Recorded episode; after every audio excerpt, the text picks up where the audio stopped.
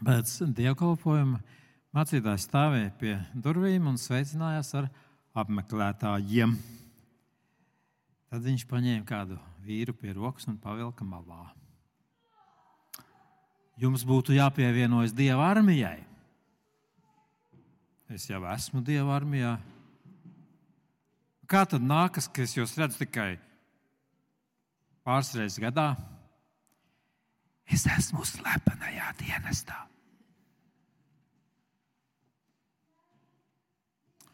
Pirms kādiem gadiem man bija parādījusies ēna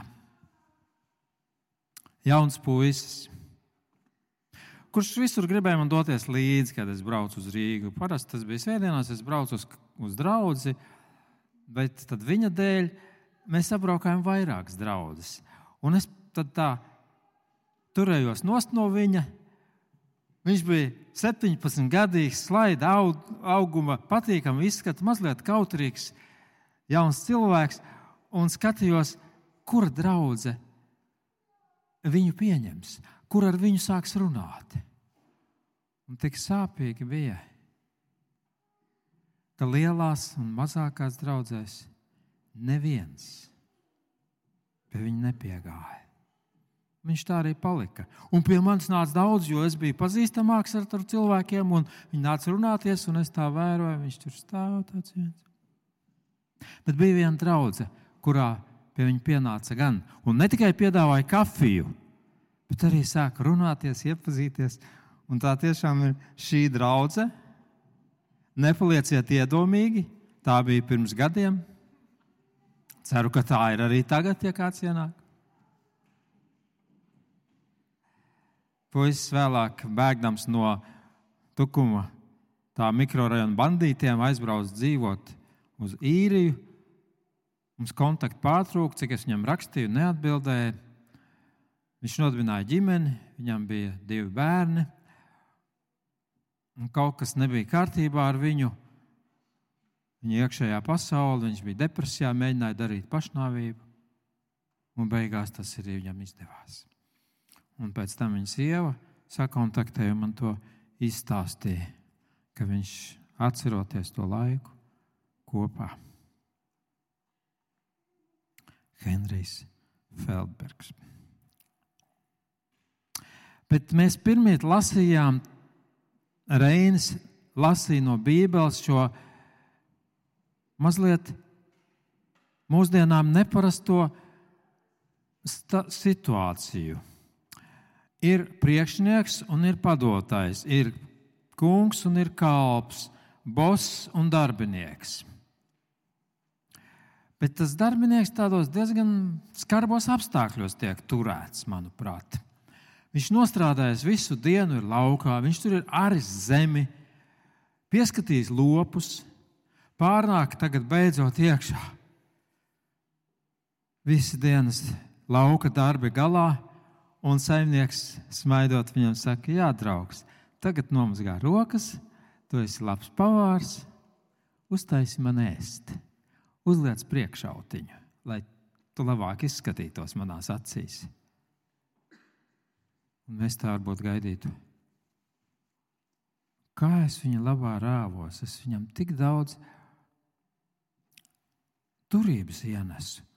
Nu, kaut mazu paldies viņa būtu pateicis. Un tad, kad es būšu paēdis, saimnieks turpina, tad arī tu varēsi paēst. Un pēkšņi šis stāsts pavēršas pret mums, ja es to stāstu saviem mācekļiem, un viņš saka, un, un tad, kad jūs visu, kas jums uzdots, esat darījuši, tad sakiet, mēs esam nevērtīgi kalpi. Mēs darījām tikai to, kas bija mūsu pienākums.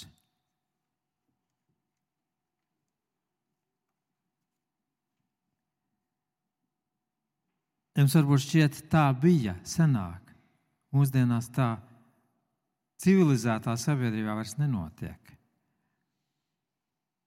Tiem, kam ir bērni, un tādu ir daudz, atcerieties, ienāk bērniņš. Viņš ir šis boss. Viņš visu mūsu dzīvi pagriež tā, ka mums jākalpo viņam dienu un nakti, un ienāk vēl un vēl bērniņu ģimenē. Mēs vairs neskaitām neko, ne savu atpūtu, ne savu nogurumu. Mēs esam viņu dēļ. Un tad viņi kaut kad izaug un aiziet savā dzīvē. Kurš no mums ir saņēmis kādu pateicības rakstu no pilsētas domas vai no bāriņķes, ka labi bērni izaudzināti, ka esam tik daudz veltījuši viņiem laiku un kalpojuši? Varbūt kādam ir gadījies, bet principā tas tiek uzskatīts pats par sevi saprotams. Mēs joprojām kādam kalpojam.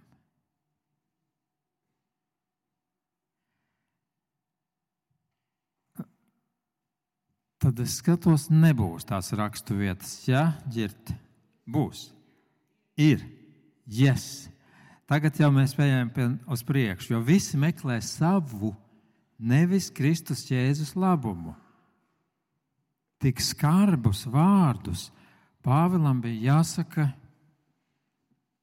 par saviem laikabiedriem un kristiešiem. Ziniet, kā kāds cilvēks no kādas draudzes man teica, kāpēc mēs nākam uz baznīcu? Nu, padomājam, katrs sev tā. Kāpēc es nāku uz baznīcu? Teica tā.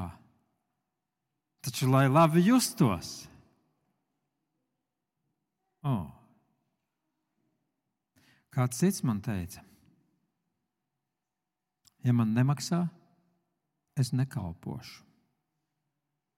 Es pajautāju, nu, tad visiem, kas kaut ko dara, ja,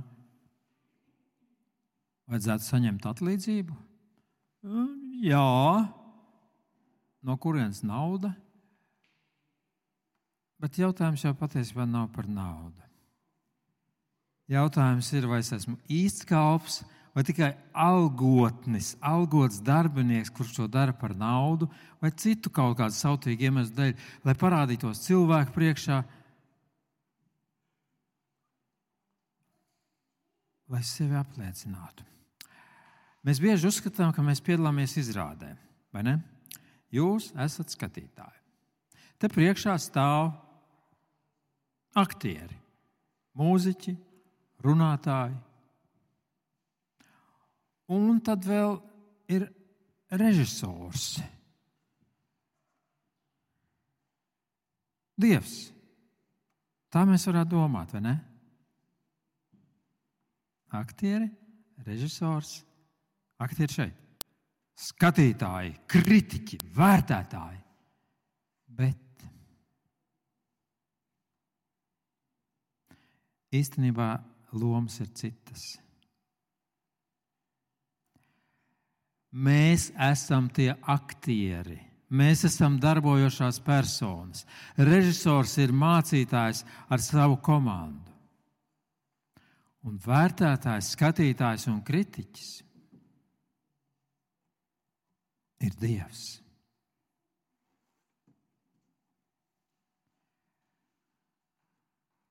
Es runāju par saviem laikabiedriem, kas saucās tādā interesantā vārdā farizēji, tā bija ļoti reliģiska tāda novirze judaismā, kur līdz pēdējiem gribēja izpildīt katru punktiņu, katru komatiņu, kas bija ierakstīts svētajos rakstos. Bet kā viņi to darīja? Un taču viņi pat ticēja, ka viņi kalpo Dievam. Tas bija kaut kas pretīgs. Viņi stāv skābām sejām. Šodien ir skābuļu diena. Šodien es nēdu Dievam par godu, vai ceļi saļodzījās. Man sanāk? Un tad viņi stāvēja uz ielas stūriem. Un tas bija tik populāri. Un skaitīja lūkšanas, skaļā balsī: Ak, Dievs, tu mani dzirdi! Un tad viņi ziedoja. Un viņi bija sakrājuši lielu kuli ar sīceni. Un tad visu to lēnām bēra iekšā tajā lādē un tā žvadzēja. Visi dzirdēja, cik daudz es iedevu, cik ilgi es bēru. Viņi domāja, ka kalpo dievam. Un, ja es saku, viņi jau visu ir nopelnījuši savu algu, tā lielīšanās cilvēku priekšā arī ir viņu alga. Nu, tad, tomēr, ja kāds ienāk šajā draudzē, kā viņš te jutīsies, viņu pamanīs, pie viņa pieies, ar viņu iepazīsies. Man šķiet, ka vismaz mācītājs, jā, es redzēju, cik viņš sirsnīgi to darīja no rīta. Vai mēs teiktu tā kā sardas draudzē, par kuru, ja es saku, tev ir maz spēka, un tomēr manu mācību tu esi turējis, un neesi aizliedzis manu vārdu. Būtu jauki saņemt tādu vērtējumu, vai ne? Bet otra variācija ir, es zinu tavus darbus, ka tu neesi ne augsts, ne karsts. Tas saka Jēzus. Un tad viņš tā, kaut ģēl, tu būtu augsts. Nu, tu nevari būt augsts. Es gribu, lai tu būtu augsts. Nu, vai karsts. Bet tā kā tu esi rēmdens, ne augsts, ne karsts, es tevi izspļaušu no savas mutes.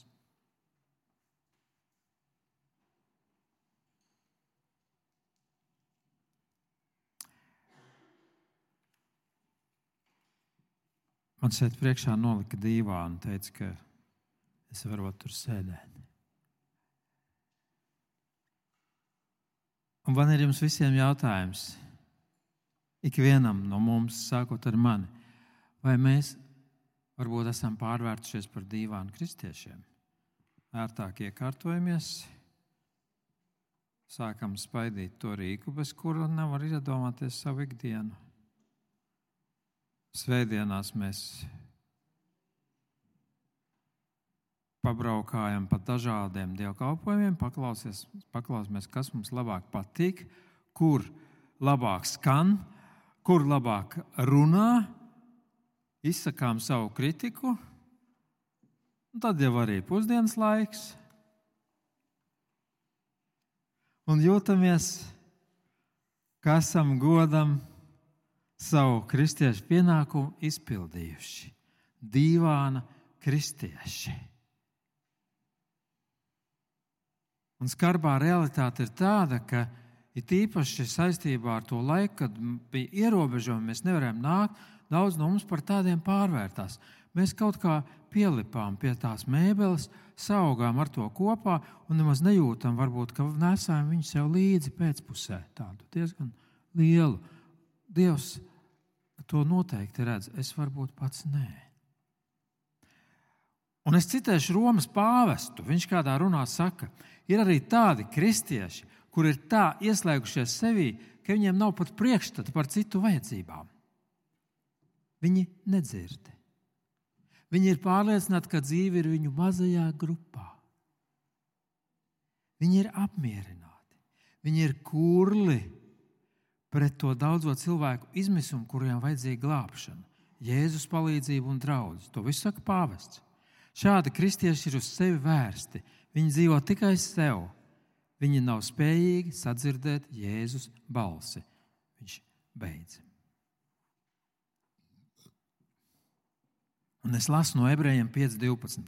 Jo, lai gan laika ziņā jums pašiem pienāks būt tiem, kas māca, jums atkal vajadzīgs kāds, kas jums māca Dieva vārdus pirmsākums. Un esat tapuši par tādiem, kam vajag piena, necietas barības. Un es ar to domāju, visus tos cilvēkus, kas gadiem nāk baznīcā un ar vien vairāk ilgojas, nu, kad tad mani novērtēs, kad mani paslavēs, kad mani pamanīs, kad dos man pienākošos godu. Jo vecāks paliek, jo mazāk kādam vajadzīgs, kam es te vispār esmu vajadzīgs. Kad īstenībā man būtu jāskatās, ko es varu dot citiem, pie kā es varu pieiet, kuru es varu uzmundrināt, kuru es varu uzklausīt, uzzināt, kā klājas. Un būt šis nobriedušais balsts, jo gadi iet, un man jau būtu jāmainās, ne jau tiem ap mums.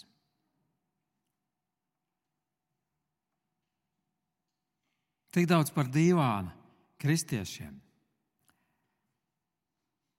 Bet man ir tāds jautājums, ko šis laiks mums saka?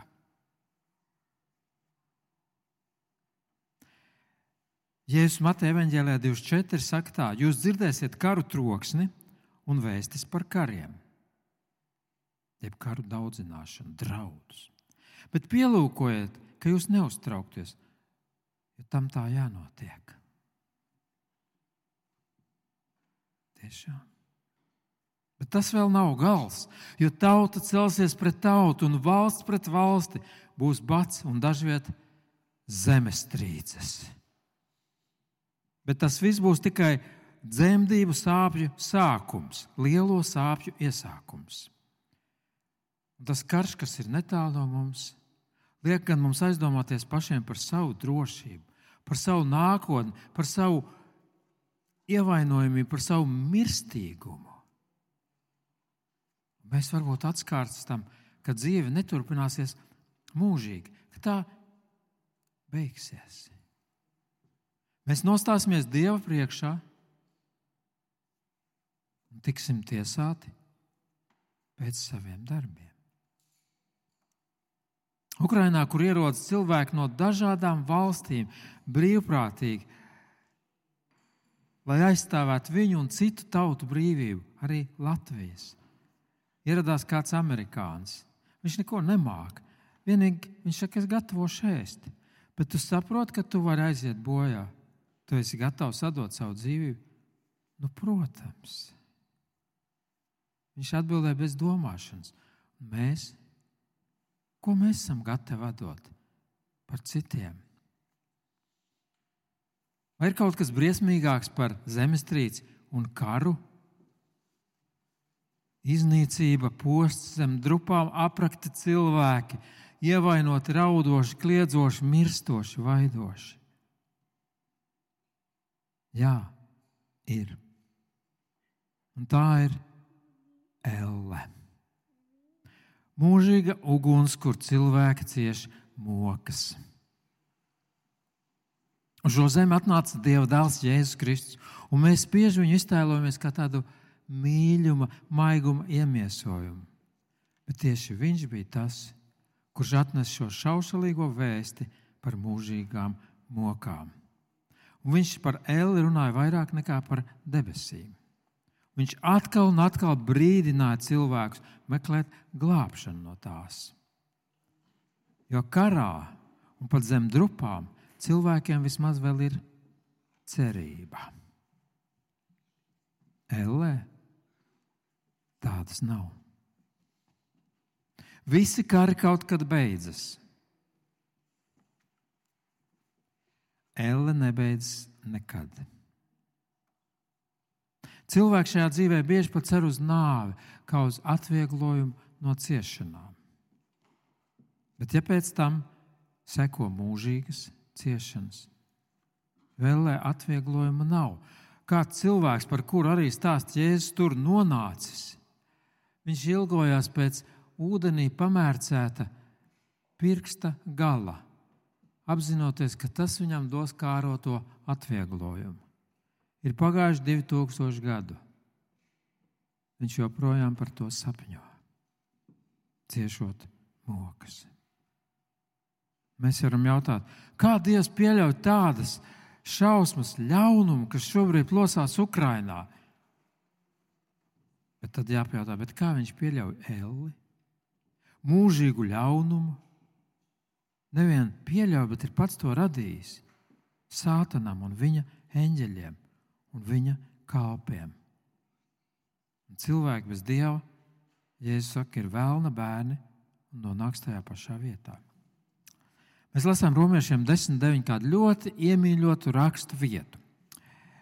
Uz to mēs varam balstīt savu pārliecību par to, ka izglābsimies no dieva soda.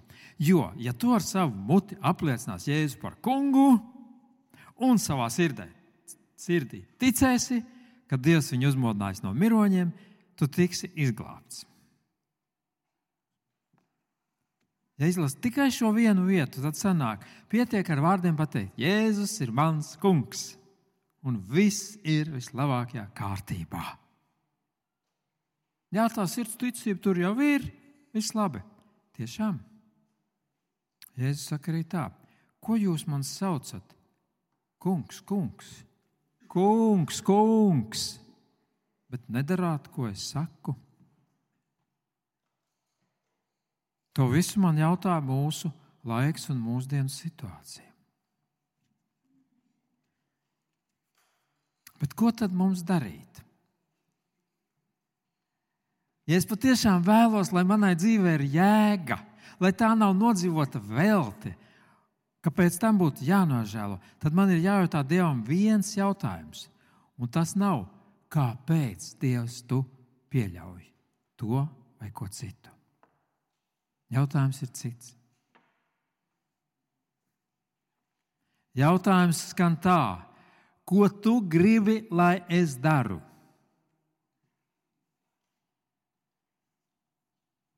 Viens vienīgs jautājums. Un, ja es no sirds to gribu uzzināt, viņš noteikti dos man atbildi savā veidā. Savulaik prezidents Kenedijs stājoties amatā nācijai teica: Nejautā, ko tava valsts var izdarīt tavā labā, bet jautā, ko es varu izdarīt savas valsts labā. Pārfrāzēsim. Nejautāsim, ko Dievs, ko draudzene var izdarīt manā labā, bet gan ko es varu izdarīt, kalpojot Dievam. Nu, kā jums šķiet, kalpošana kā tāda vispār? Kalpošana. Tā ir iespēja vai tā ir apgrūtinājums, smags pienākums, nasta. Pirmajā brīdī varētu likties tas otrais. Bet patiesībā mazs noslēpums. Sarunāju, ka pēc eh, dievkalpojuma šeit uz īsu brīdi iegriezīsies valsts prezidents Egils Levits. Viņš ar mums ģimeni mazliet ir sapazinies, drusciņi sadraudzējies, Dan viņu īpaši paslavēja. Un man interesē, vai šeit ir kāds izcils kafijas meistars, kurš viņam pagatavos kafiju. Ir kāds barista. Tas bija tikai joks. Prezidents nav solījis šeit ierasties, bet tas būtu gods. Jebkuram labam kafijas gatavotājam to arī pagatavot un pasniegt pašam prezidentam. Nevis apgrūtinājums bet privilēģija. Man ir vēl viens jautājums. Vai Dievam vispār vajag, lai viņam kalpotu? Ko Dievam no mums vajag? Kas viņam pietrūkst?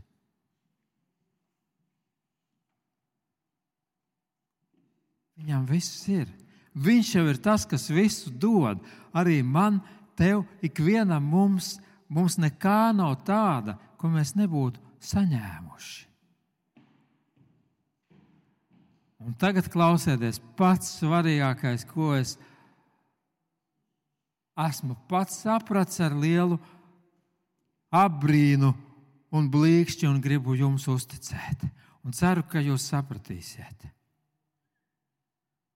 Kalpot Dievam ir tāda privilēģija, kas ir dota tikai nedaudziem, tikai retajiem. Jūs domājat, ka visi cilvēki, kad mēs izējām ārā sabiedrībā, viņi var kalpot Dievam? Viņiem nav tādas iespējas. To var tikai tie, kurus Dievs ir aicinājis pie sevis, kur ir sapratuši, kas viņš tāds ir, kur ir viņam uzticējuši savu dzīvi, kļuvuši par viņa bērniem. Un tad viņi drīkst kalpot šim visaugstākajam debesu bosam. Un tad, kad šis kalps par kuru mēs lasījām sākumā, ir visu dienas karstumu strādājis. Viņš ienāk iekšā, viņš jau nemaz nekurn, viņš jau negaida to pateicību. Tas ir tā, kā mēs kalpojam ārpusē, un pēc tam esam draudzē, un mēs atkal kalpojam un darām to ar prieku. Tā ir dzīves augstākā privilēģija. Un Dievs vēlētos, lai mēs šādi kalpotu, un tikai šādi. Viņam nevajag nekāda cita veida kalpošana. Tikai to, kas mums sagādā patiesu gandarījumu. Es drīkstu viņam kalpot, negaidot nevienu pateicību, negaidot nekādu novērtējumu. Es neko neesmu pelnījis. Man ir atļauts kalpot nevis prezidentam, bet pašam visuma radītājam. Es to drīkstu.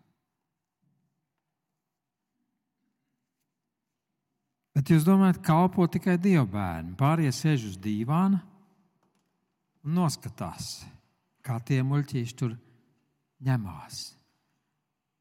Dīvāna sēdētāji arī kalpo, bet kādam citam. Vispirms jau sev, savam egoismam, savam grēkam, vēl vairāk viņi kalpo tumsas kungam, sātanam. Un es pieminēšu divus roka mūzikas centēvus, dinozaurus. Bobu Dilanu, kurš savulaik pievērsās kristietībai un sarakstīja dziesmu You got to serve somebody. Tev kādam ir jākalpo. Viņš saka, it may be the devil or it may be the Lord. Tas var būt vēlns vai tas var būt kungs, bet kādam tu vienalga kalposi. Ļoti spēcīgi vārdi tādā populārā dziesmā. Kad Džons Lenons vēl var būt izcilāks, mūziķis to dzirdēja. Viņš bija personiski aizskarts. Viņam bija kauns dzirdēt šos vārdus. Viņš kā atbildi uzrakstīja dziesmu Serve Yourself, kalpo sev. Un dziesma kritizēja Dilana sprediķošanu, un tās vietā teica, tev jākalpo sev. Neviens cits tavā vietā to nedarīs.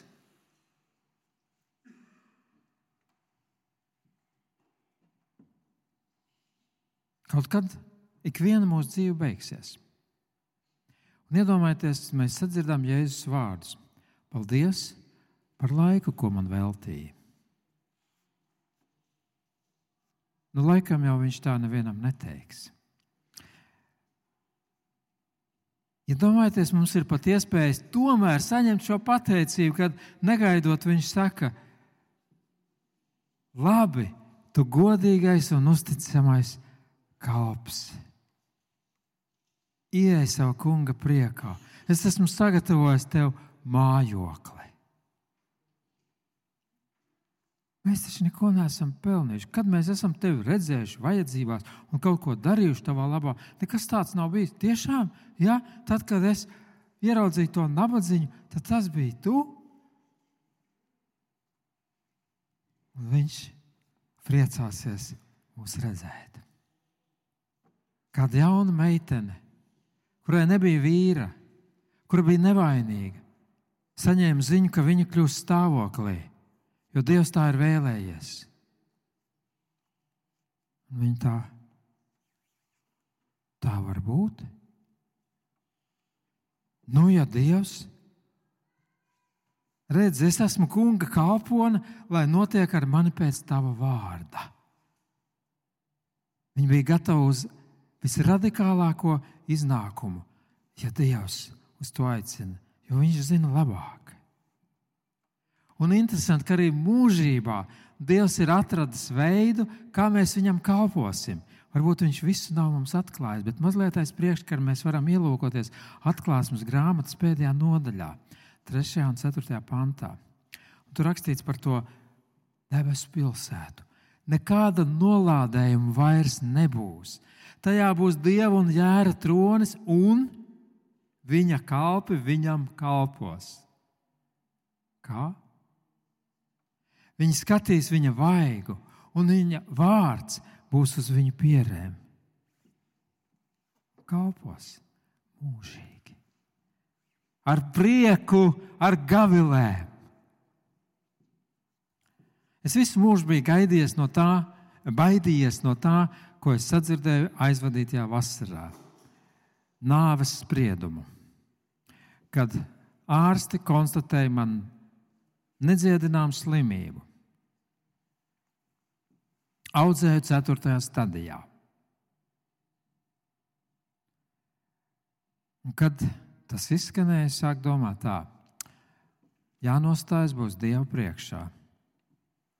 Es esmu gatavs? Un saprotu, ka saviem spēkiem es tur neko izdarīt nevaru. Jēzus par mani jau visu ir samaksājis. Viņš man ir piedevis, viņš man ir apžēlojis, viņš ir izlējis savus asinis. Tā ir kā valūta, ar kuru viņš ir nomaksājis manu parādu, nenomaksājamo mūžīgo parādu Dieva priekšā. Viņš nomira par mani, viņš ir dzīves, un tā ir garantija, ka es arī dzīvošu. Tomēr, skatoties uz aizvadītajiem gadiem, Es zinu, ka tik daudz ko vairāk būtu varējis izdarīt. Patiesāk, ar pareizu motivāciju. Nevis sev, bet viņam. Un vairāk savējiem un svešiem būtu stāstījis par viņu. Aizmirst par sevi, atteikties, kalpot ar aizrautību. Es nevaru pagriezt laiku atpakaļ. Es varu tikai pateikties Dievam par viņa neaptveramo žēlastību. Un noslēgumā. Kā cilvēks sapnī nonāca debesīs. Un viņš redz kādu tik žilbinoši, skaistu, spožu būtni, ka jautā, tas ir mans eņģelis? Nē, tas būtu tu. Ja tu būtu izmantojis visu to, ko Dievs no tevis sagaidīja.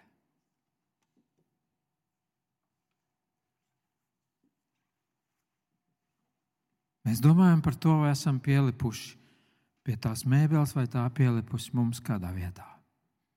Mēs domājam par to, ko šis laiks mums saka, ar visām šausmām un visām iespējām. Mēs domājam par to, ka kalpot tā ir tāda privilēģija, kāda dota ir tikai pavisam nedaudziem cilvēkiem uz šīs planētas. Un tie esam mēs. Tie, kuri pazīst Jēzu Kristu. Kalpot ir lielākais gods, lielākais gandarījums un aicinājums kalpot Dievam, kādu cilvēks var saņemt un izvēlēties šajā dzīvēm. mūsu Tēvs. Kāpēc mēs esam tev vajadzīgi? Tādi ļauni, netīri, grēka apkrauti cilvēki, savtīgi, par sevi domājoši, visu tikai savā virzienā raust, visu skatīt no sava skatu punktu, no savu izdevīgumu un vērtēt pārējos no tā. Un taču tu par mums atdevi visdārgāko, kas tev bija, savu dēlu, Jēzu Kristu. Es to nespēju aptvert, bet tā ir noticis. Es tev pateicos par to Dievs un par to, ka drīkstu tev kalpot, un ka tas ir gods, ka tas ir privilēģija tas ir prieks. Kungs iededz mūsos ikvienā no jauna šo prieku, kalpot tev, pateikties par to, ka to drīkstam, darīt to ar aizrautību, ar sajūsmu, līdz tam brīdim, kamēr vien tu mums dod elpu un dzīvību. Amen.